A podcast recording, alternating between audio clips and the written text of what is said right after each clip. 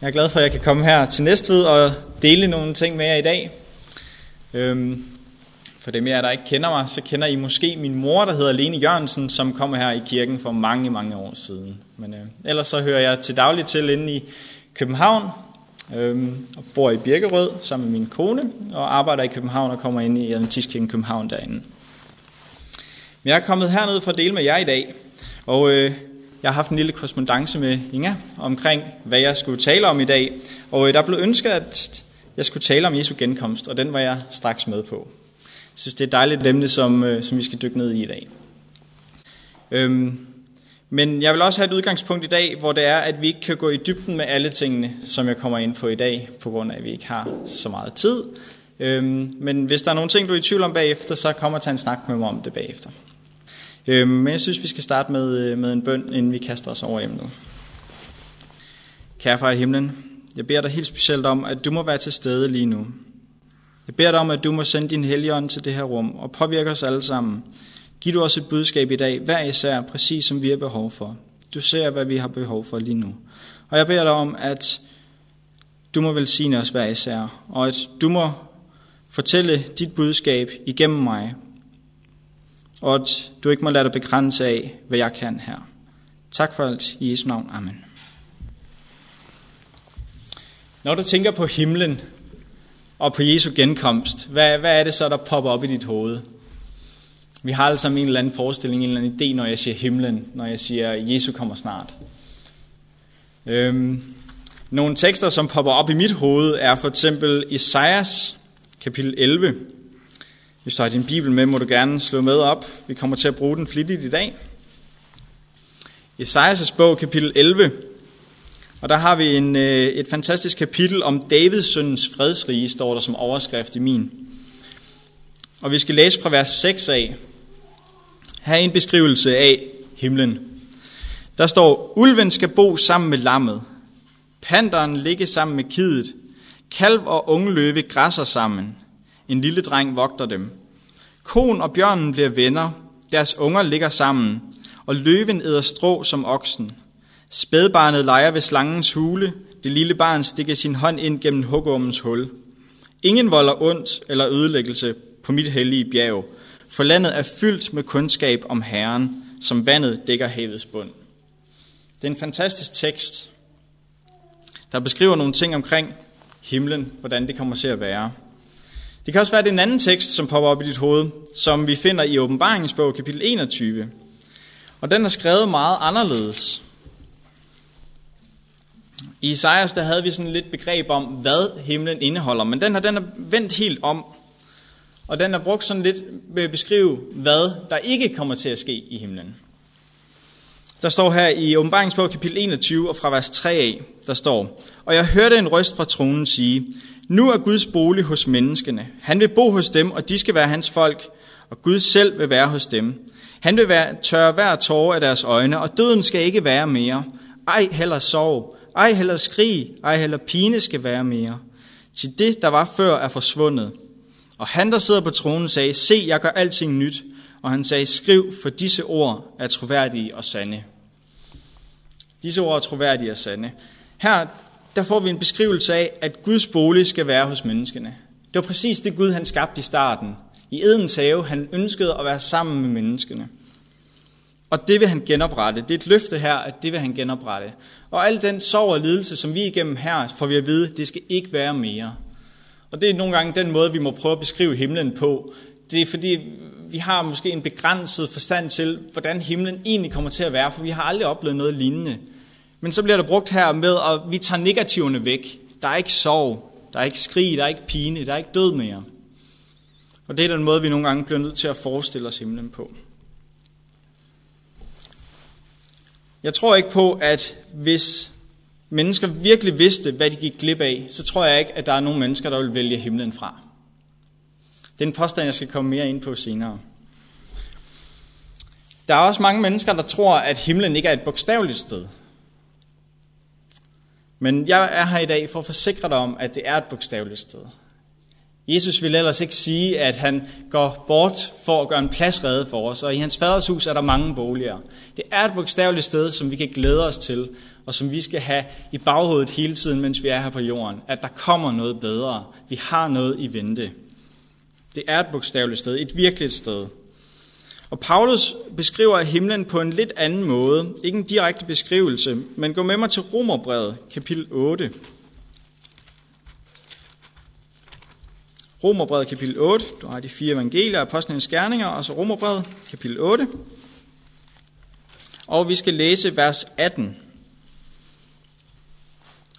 Romerbrevet kapitel 8 og fra vers 18.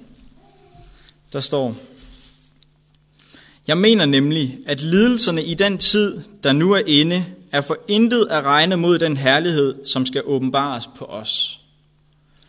Han beskriver ikke direkte himlen her, men når jeg tænker på Paulus, så tænker jeg på en mand, der havde været mange ting igennem i løbet af sit liv. Blevet pisket, blevet tortureret, sat i fængsel og alle de her ting. Og han siger, at alt det her, vi kan komme ud for, det er intet at regne for i forhold til, hvad Gud han har planer for os engang i himlen. Så er det intet at stå mål med. Det er en fantastisk beskrivelse, synes jeg. Og det kan give os gejst og energi til at kæmpe videre hernede, ikke sandt?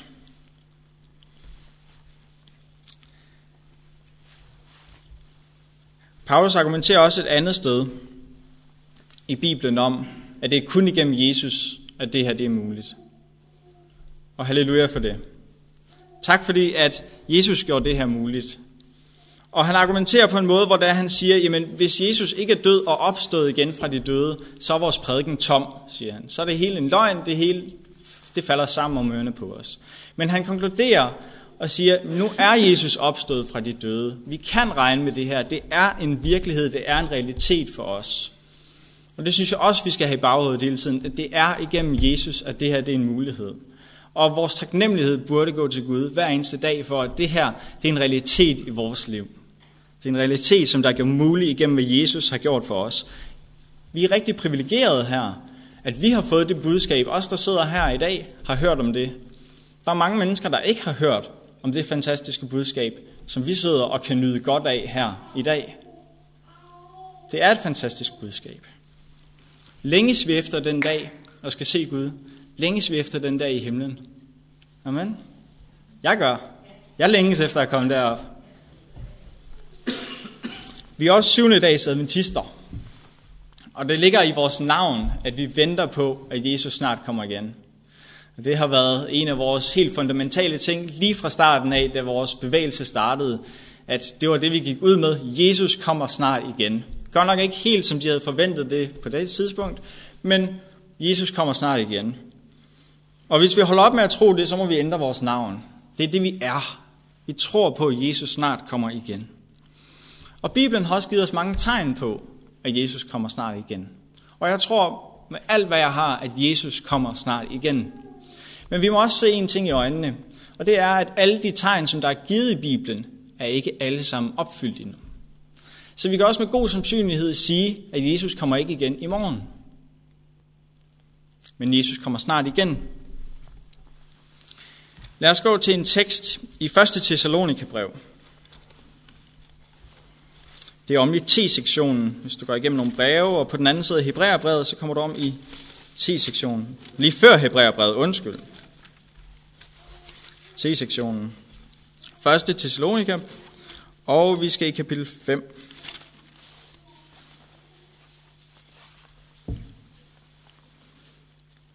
Og vi starter fra vers 1 af, altså 1. Thessalonika brev, kapitel 5, og fra vers 1. Der står her, Om tider og timer har I ikke brug for, brødre, at der skrives til jer. For I ved ganske nøje, at Herrens dag kommer som en tyv om natten. Når folk siger fred og ingen fare, da er undergangen pludselig over dem, som vejerne over en, der skal føde, og de skal ikke undslippe. Men I brødre er ikke i mørke, så dagen skulle kunne overraske jer som en tyv. I er jo alle lysets børn og dagens børn. Vi tilhører ikke natten og heller ikke mørket. Så skal vi da ikke sove som de andre, men være vågne og ædru. Så her der står der altså, at Herrens dag kommer som en tyv om natten. Men der står også ikke for alle. Men til det, det er ikke alle, der står her, men I, dem som Paulus skriver til her, i er lysets børn, så denne dag ikke skulle kunne overraske jer som en tyv om natten. En tyv om natten, tænker jeg i hvert fald, er noget, at, Jesus, eller at Paulus prøver at indikere her, at det er ikke en, vi forventer. Så vi har altså nogle tegn, som vi bør tyde, for ligesom at vide, at der er en gruppe mennesker, som har fået nogle tegn, nogle ting, hvor de kan kende på, så de ikke bliver forskrækket, så de ikke får et bagholdsangreb, så at sige, så, så, så de kan kende, hvornår det her sker. Men der er altså også en gruppe, som ikke kan. Og han skriver også, om tider og timer har I ikke brug for at vide. Vi har lige holdt en mødeserie inde i København, som vi valgte at kalde After 2012, What Does the Future Hold, hed den. Og det var Daniel Pitt, der var inde og tale der. Nogle af jer var derinde. Og øh, grunden til, at vi valgte den titel, var sådan set, fordi det har været meget op i medierne, og folk har troet på, at jorden vil gå under i år 2012. Og man kan sige, at folk kan have mange forudstillinger om, hvornår alle de her ting skal ske. Men igen er vi ret privilegerede, at vi har Bibelen, vi har nogle tegn, vi har nogle indikationer om, hvornår ting skal ske. Og jeg tror, det er rigtig godt for os, at vi ikke har en dato, sådan som de her mennesker påstod. Fordi jeg tror, der er rigtig, rigtig mange mennesker, som i verden vil have en tendens til, at hvis de havde en dato, så ville de måske lige vente til et par dage før, og så kan vi gøre os klar til, at Jesus kommer igen. Tror I ikke det? Jeg tror, der er rigtig mange, der vil have den tendens. Øhm, jeg skal ikke kunne sige, hvordan jeg selv vil reagere, men måske vil jeg også selv falde i den. At når ja, vi har jo tid, vi ved, hvornår det sker, vi kan vente til sidste øjeblik. Og jeg tror, at det er en af grundene til, at Jesus sagde snart, og Paulus sagde snart. Fordi snart, som min tale hedder i dag, snart er relativt. Snart er relativt. Men der ligger også i det snart, at vi skal leve hver dag, som var det den sidste. Og det er der jo mange gode grunde til. Men vi skal leve hver dag, som var det den sidste. Vi skal leve hver dag, som var vi parate til at se Jesus i øjnene, når han kommer. Vi har en tekst i 2. Peters brev, hvis vi tager lidt til højre i vores bibler. 2. Peters brev, kapitel 3, der har vi lidt en beskrivelse af snart og det her ventetid. 2. Peters brev, kapitel 3, og vers 9. Der står der her. Der står, Herren er ikke sen til at opfylde sit løfte, sådan som nogen mener, men han har tålmodighed med jer, fordi han vil, at ingen skal gå fortabt, men at alle skal nå til omvendelse. Så her har vi ligesom en lille forklaring på den her ventetid. En forklaring på en ventetid. Men når der står her, at Herren er ikke sen til at opfylde sit løfte. Der er ikke et spørgsmål om, om han vil opfylde sit løfte, men bare hvornår han vil opfylde sit løfte. Gud vil opfylde sit løfte. Men der står også her, at han har tålmodighed med jer, fordi han vil, at ingen skal gå fortabt, men at alle skal nå til omvendelse. Er det ikke en forklaring på, hvorfor der er den her ventetid, hvorfor han ikke har opfyldt sit løfte endnu? Her er en indikation af, at Gud venter på et eller andet, for han kan komme igen. Jeg tror ikke på, at Gud han sidder deroppe med krydsede arme og hygger sig med at se ned på jorden, at der er så mange mennesker, der har det dårligt. Der er en eller anden grund til, at Jesus ikke stopper den her ulykke og den her elendighed, som er hernede på jorden nu. Han ved, at han har noget meget bedre for øje, det har vi lige set på. Så han venter på et eller andet. Venter på et eller andet. Der er en bog, som hedder Kristi Lignelser, som er skrevet af Ellen White, hvor det er, at der står øhm, omkring den her lignelse, de 10 brudjomfruer. Der står der her, det er ikke blot enhver kristens forret at vente på Guds dags komme, men også at fremskynde den. Okay. Så der er altså et eller andet, som Gud venter på, som vi kan have en del i at fremskynde. Hvis man kan fremskynde noget, kan man så også forsinke noget. Den vil jeg lade hænge lidt op til dig. Men det er i hvert fald noget, der kan fremskyndes. Og Peter han er enig med os her, hvor det er, hvis vi læser lidt videre, vi har lige læst her i, øh, i kapitel 3, vers 9, om Herrens dag, og så skriver han videre her, hvis vi tager den fra vers 12 her, i stad, stadigvæk i relation til Herrens komme, hvor der står, mens I venter på, jeg fremskynder Guds dags komme. Her giver han altså også en indikation af, at vi venter på noget, men vi kan også fremskynde den dags komme. Så vi har en del at kan spille i det her. Vi har en eller anden rolle i det her, og måske har vi en rolle i forbindelse med, hvorfor Gud venter. Vi har en anden indikation, hvis I vil være søde at gå med mig til Matteus evangeliet. Første evangelie i det nye testamente. Matteus evangeliet. Kapitel 24. Der har vi en beskrivelse, hvor Jesus giver en beskrivelse til sine disciple om, hvad der skal ske, før han kommer igen. Og der skriver han et af tegnene på, at han snart kommer igen. Der står her i vers 14, gå med mig til vers 14. Der står der, og dette evangelie om riget skal prædikes i hele verden som vidnesbyrd for alle folkeslag, og så skal enden komme. Så her der får vi en indikation fra Jesus af, at der er noget, der skal ske, før han kan komme. Og når det er sket, så kan han komme. Så der er et eller andet, Gud venter på. Men når at evangeliet om riget skal prædikes i hele verden, så skal enden komme. Så paradoxalt nok, så sidder vi her i dag og venter på, at Jesus skal komme igen. Samtidig med, at Gud måske sidder op i himlen og venter på os. Så vi venter måske på Gud, samtidig med, at han venter på os. Og jeg må sige til dig i dag, jeg håber ikke, det kommer som nogen overraskelse, men der vil være en generation tilbage på den her jord, når Jesus kommer igen. Der vil være en generation tilbage, når Jesus kommer igen. Og mit spørgsmål er til dig i dag, hvorfor kunne det ikke være din? Hvorfor skulle du ikke være med til at afslutte det her værk? Hvorfor skulle du ikke være en del af de fantastiske begivenheder, der skal ske i den sidste del af jordens historie? Der vil være to grupper, når Jesus kommer igen. Vi får beskrevet den ene gruppe som folk, der kigger op mod himlen med glæde over den frelser, som de havde ventet på skulle komme. Og så beskrives den anden gruppe, som i åbenbaringen 6 vi kan læse om, som er en gruppe, hvor det er, at de ønsker at komme ind i klippehuler og ønsker, at de skal falde ned over dem, fordi at de skal skjules fra den vrede, som Gud har over synd. Og hvilken gruppe kunne du tænke dig at være i? Den, som ser med glæde op mod, at Jesus kommer igen, eller den, hvor det er, du ønsker at blive skjult for Guds fred? Som jeg nævnte for lidt siden, så helt i starten, der var det adventisterne, der virkelig slog fast, at Jesus kommer snart igen. Der var det næsten kun det samfund, som virkelig holdt fast på og havde det som kendemærke, at Jesus kommer snart igen. Men nu, i vores tidsalder, er der mange flere, der tror på, at Jesus kommer igen.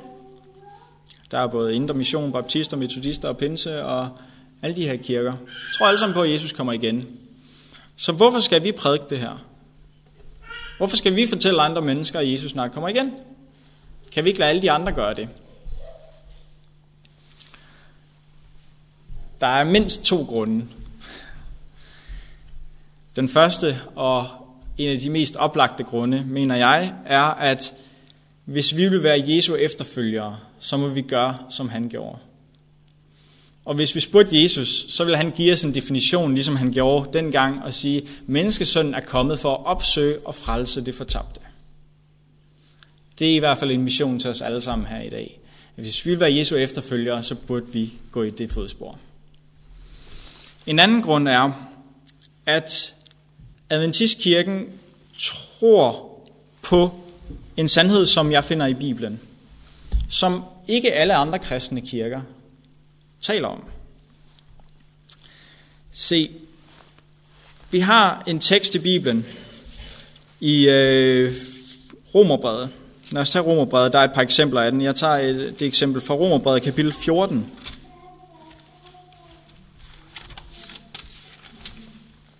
I Romerbrevet kapitel 14 og vers skal jeg se Øhm. Fra øh, slutningen af vers 10. Romerbrevet kapitel 14 fra slutningen af vers 10. Der står der, Vi skal jo alle stå frem for Guds domstol, for der står skrevet, så sandt jeg lever, siger Herren, for mig skal hvert knæ bøje sig, og hver tunge skal bekende Gud. Vi skal altså hver for sig øh, aflægge regnskab over for Gud. Så her der står der, at der kommer et tidspunkt, hvor alle skal bøje knæ for Gud. Men der kommer også et tidspunkt, hvor at vi alle skal stå frem for Guds domstol. Der er mange kristne kirker, og jeg er ikke her i dag for at pege fingre af andre kristne kirker, men jeg er her for at sige, at vi har en speciel mission, frem for måske hvad andre tolker ud af Bibelen. Der er mange kristne i dag, der tror, at når alle skal bøje knæ for Gud, at det sker på et andet tidspunkt, end vi tror. At det sker, når Jesus kommer igen anden gang. Vi som Adventistkirke, vi har ofte slået os på, at det vil ikke ske der. Der vil få bøje knæ for Gud. Men alle skal bøje knæ, når Jesus kommer tredje gang. Lad mig forklare. Der er en stor forskel her. Der er en stor forskel her. Jesus kom igen første gang for lige omkring 2000 år siden. Der kom han her til jorden, blev født, barn, døde på korset og opstod igen. Og han lover os, at han vil komme igen. Det vil altså sige, at han kommer her anden gang. Når han kommer her igen, så vil han, ifølge Bibelen, tage dem til sig, som har valgt at tro på ham. Og de skal være med ham. Og vi læser i åbenbaringsbog kapitel 20 om, at de skal være med ham i de her tusind år. Efter de tusind år, så vil Jesus komme igen tredje gang her til jorden, sammen med det nye Jerusalem og sammen med de frelste, og grundlægge riget her på jorden. Og det, der sker mellem Jesu første komme og Jesu andet komme, det er, at der foregår en eller anden form for dom. Hvis Jesus han skal komme igen og gengælde en vær, når der han kommer anden gang, så skal der have foregået en eller anden dom over, hvad der skal foregå. Hvem skal med til himlen? Hvem har taget standpunkt for og vil følge og tro på Jesus, og hvem har ikke? Der skal være foregået et eller andet, hvor det her det er en bestemmende faktor. Har du valgt at tro på Jesus, eller har du ikke? Det er det, vi kan kalde en dom. Og vi finder tilbage til, at den undersøgende dom, som vi kalder det, startede i 1844 og frem til et eller andet tidspunkt, som vi kan kalde nåden, nådedørens lukke eller nådens afslutning, hvor det er, at alle har haft mulighed for at tage chance, og så har Gud ikke mere at vente på, og han kan komme igen. Kan I se, der er en stor forskel på i forhold til andre kirker, som måske tror på det, man kalder universel frelse. Der er mange kristne, der tror på, at Jesus kommer igen anden gang, Jøderne forstår måske, hvilken rolle de har haft her i verden, og de begynder at evangelisere verden, og verden bliver et bedre sted. Og til sidst vil alle bøje knæ for Gud, fordi verden bliver et bedre sted. Vi har også en katolsk version, der siger, jamen, du kan komme til himlen igennem de privilegier, som kirken har over for Gud, eller du kan komme i skærsilden og blive lutret der, indtil du er klar, men vi ender alle det samme sted. Bibelen lægger frem, helt klart frem, at hvis du vil afgøre din e- evige skæbne, så skal det være nu og her, og ikke når Jesus er kommet igen anden gang. Det er ikke derefter, at det sker. Kan I se, der er en stor forskel på, hvornår at du afgør din evige skæbne. Om du ønsker at følge Jesus her og nu, og i al evighed. Fordi at Bibelen beskriver, at dem, som opstår, når Jesus kommer igen anden gang og skal følge med ham til himlen, dem har døden ingen magt over mere. Men når han kommer tredje gang, der skal alle de fortabte indse deres evige fortabelse. Og det er jo egentlig en forfærdelig tanke. Okay. Så har vi en speciel opgave her. Ja, vi har. Vi har en speciel opgave her.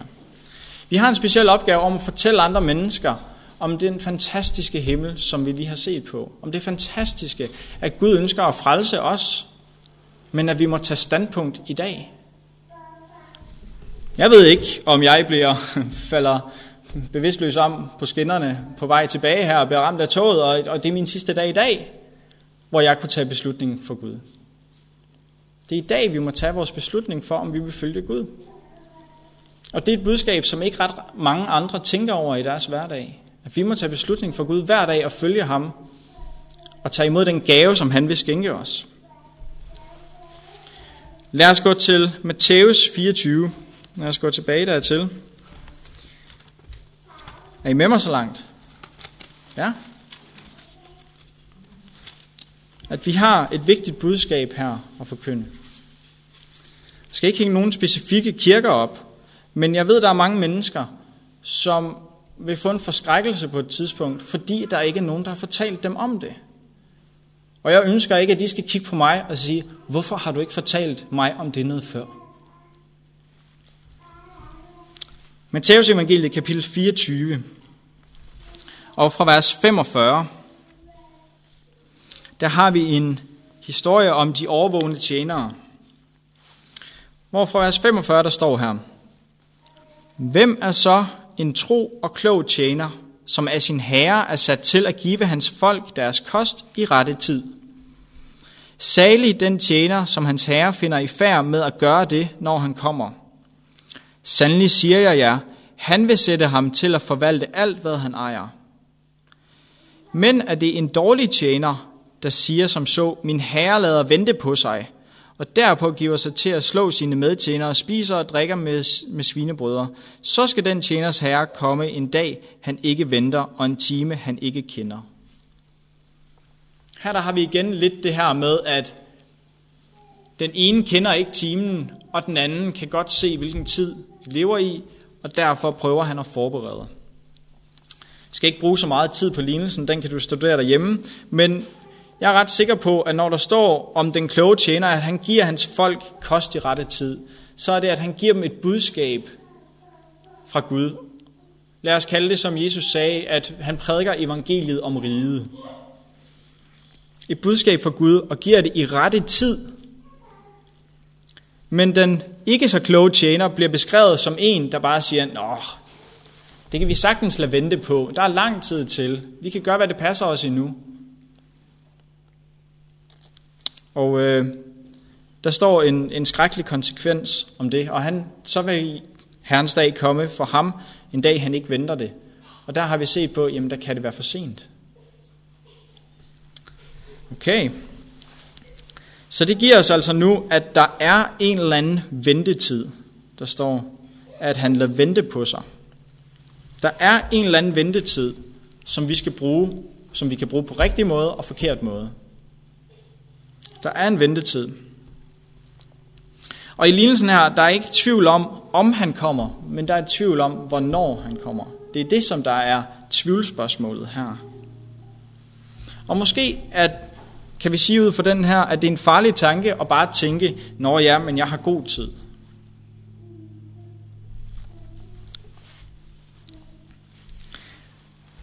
Det, den skriftlæsning, vi havde om de 10 brudepiger, den ligger ligesom grunden for det hele her.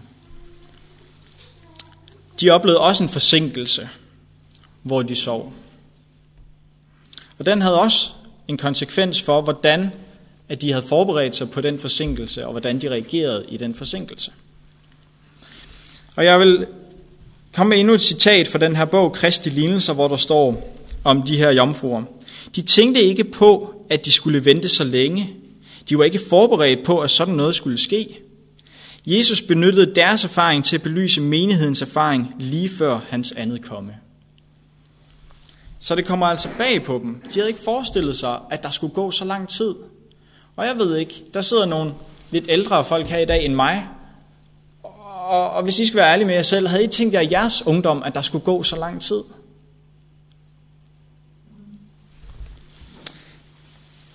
Se, ventetid er egentlig noget lidt mærkeligt noget. Men vi får at vide her, at det har stor konsekvens, hvordan vi bruger den her ventetid. Vi har en historie om Moses, der går op på bjerget, efter at han har været nede for de ti bud, og folket har sagt, alt hvad han befaler, vil vi gøre. Og Moses han går op på bjerget til Gud og snakker med Gud. Og der står i den historie, du kan læse mere om den i 2. Mosebog kapitel 32, at Moses blev forsinket. Og folket spørger, hvad bliver der af den her Moses? De kan ikke forstå det. Han er forsinket. Han er ikke kommet tilbage på det tidspunkt, som de synes. Og de begyndte at lave den her guldkalv.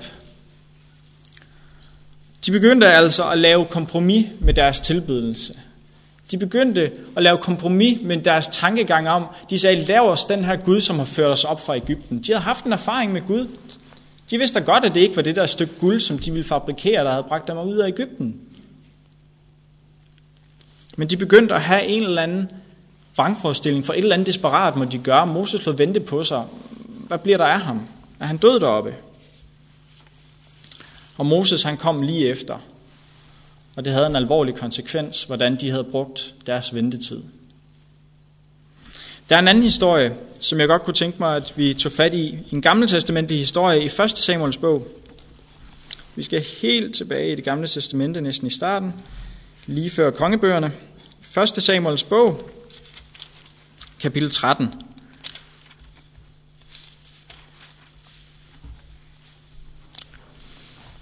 1. Samuels bog, kapitel 13. Og det er her, at Saul, han skal i en ny krig mod filisterne. Og øh, han har fået at vide, du må ikke gå i krig, før det er, at vi har bragt det her offer til Herren. Og han har også fået at vide, du må ikke bringe det her offer til Herren, fordi det skal Samuel gøre. Og vi øh, kommer ind i historien fra vers øh, 8. Der står her, han ventede syv dage til den tid Samuel havde fastsat, men Samuel kom ikke til Gilgad. Og, folk, og, og folkene begyndte at forlade ham og spredes. Så det vil sige, Samuel kom altså ikke til tiden her. Han kom ikke inden for den tidsramme, som der var fået, altså han er forsinket. Og Saul han ser så, jamen øh, folket begynder at spredes. Og han bliver lidt desperat i den her ventetid, der nu er opstået. Hvad skal vi gøre? Ja, folket forlader mig. Hvad, hvad, hvad skal vi gøre? Der sagde Saul, kom med brandofferet og måltidsoffrene. Og han bragte brandofferet. Så Saul han gør en desperat handling her, som han ved ikke er særlig godt. Han ved, at det har han fået besked på, det måtte han ikke. Men han gør det alligevel i, jeg kan forestille mig, desperation. Fordi hvad bliver der af Samuel? Han kommer aldrig, jeg mister folket, jeg har ikke nogen til at føre krig for mig. Hvad skal der ske? Og så står der i vers 10 her, han var netop færdig med at ofre, da Samuel kom. Saul gik ham i møde. Og så er det, at han får en, hvad skal vi sige, røffel i vers 13. Samuel sagde, du har båret dig tåbeligt ad. Og han får så den her dom, at hvis du havde holdt den befaling, som Herren din Gud havde givet dig, havde Herren grundfæstet dit kongedømme over Israel til evig tid. Men du skal dit kongedømme ikke bestå. Det havde stor konsekvens for ham, hvordan han brugte den forsinkelse.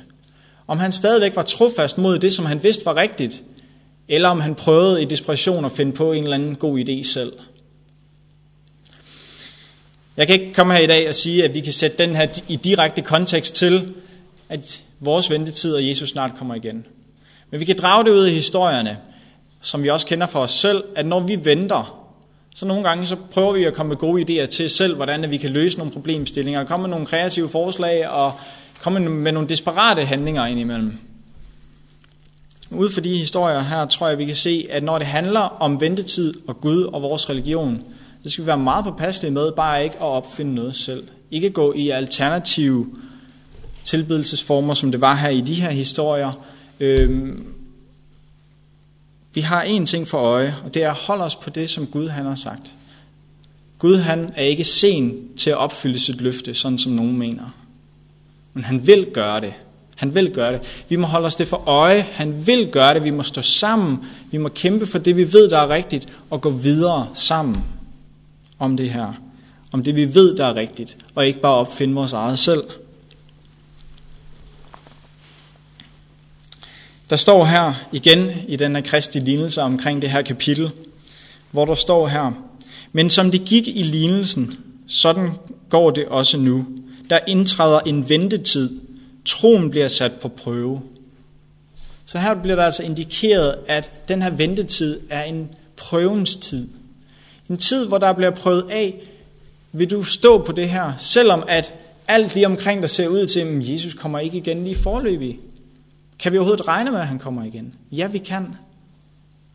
Vi må stå sammen om det her. Jesus vil komme igen. Vi må stå sammen om den mission, han har givet os. Ligesom i lignelsen med de 10 brud omfruer, så skal vi være lamper. Og du, jeg vil opfordre dig til at gå hjem og læse det her kapitel i Kristi lignelser. Det er et dejligt kapitel, hvor det er, at der også bliver beskrevet, at vi skal være lamper, der skinner til en mørk verden, lige præcis i den sidste tid. Vi skal skinne til andre mennesker. Vi skal stå sammen om den mission og det formål, som vi er her for i den sidste tid, inden Jesus kommer igen. Og komme ud med et glad budskab. Egentlig så er det fantastisk, at, at vi ikke gør det noget mere. Nyhederne har ikke problemer med at komme med en masse forfærdelige ting i verden og informere os om. Vi har det mest glade budskab i hele verden. Folk kan vælge at sige ja eller nej. Men vi skal da give dem chancen. Jeg vil godt tænke mig at gå til en tekst i 1. Thessalonika. Jeg synes, det er et fantastisk billede. 1. Thessalonika kapitel 2. Et rigtig dejligt billede, der blev, som Paulus bruger her. 1. Thessalonika kapitel 2, og vi finder det i vers 19. Der står her, For hvem er vort håb, eller vor glæde, eller vores hæderskrans over for Jesus, vor Herre, når han kommer, om ikke netop I? I er jo vor glæde, ære og glæde. Okay, han skriver altså til den her menighed, og han skriver, hvem er vores hæderskrans over for Gud, hvis ikke det er jer? Han siger altså her med andre ord, at dem, som han har været med til at vinde for Jesus, det er dem, der er hans hæderskrans i himlen.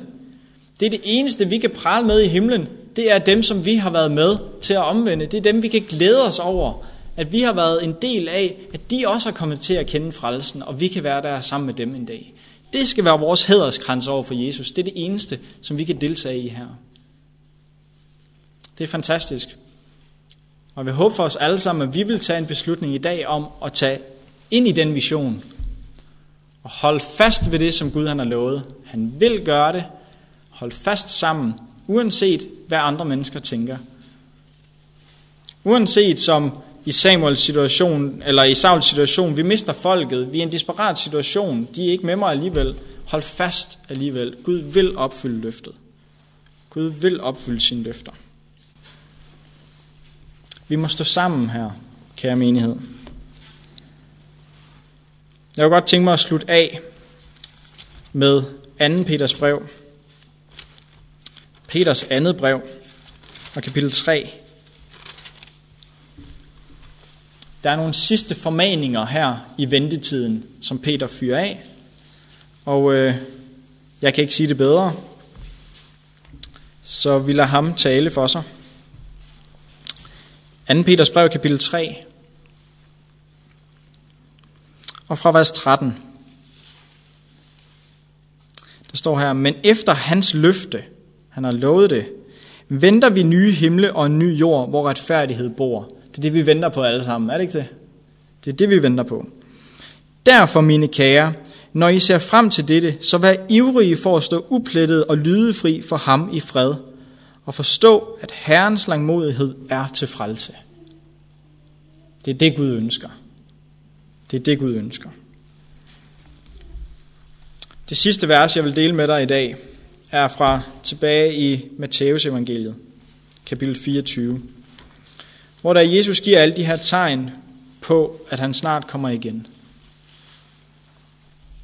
Og han laver en lille indskudsætning her. Fordi han ved godt, at de her tegn, det betyder, at det nødvendigvis ikke altid vil være let i den sidste tid.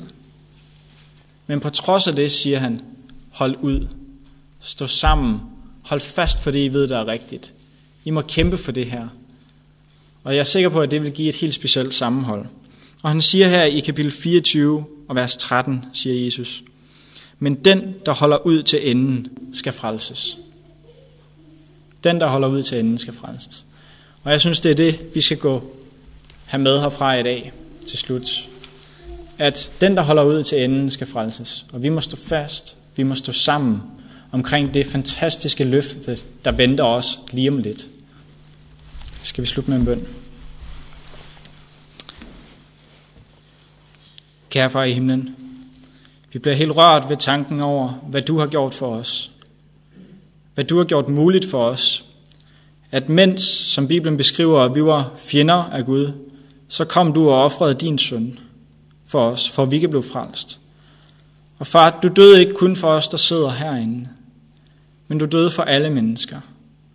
Hjælp os til, at din kærlighed til os må drage os til at give den videre og vise den til andre mennesker, så at vi må dele den glæde sammen med andre mennesker i den himmel, som du er i gang med at forberede for os. Jeg beder dig om, at vi må kunne stå fast sammen, og også give det advarselsbudskab, at det er nu, der skal tages stilling. Tak fordi du vil være med os. Tak fordi du har lovet, at den, der holder ud til enden, skal frelses. I dit navn vi beder. Amen.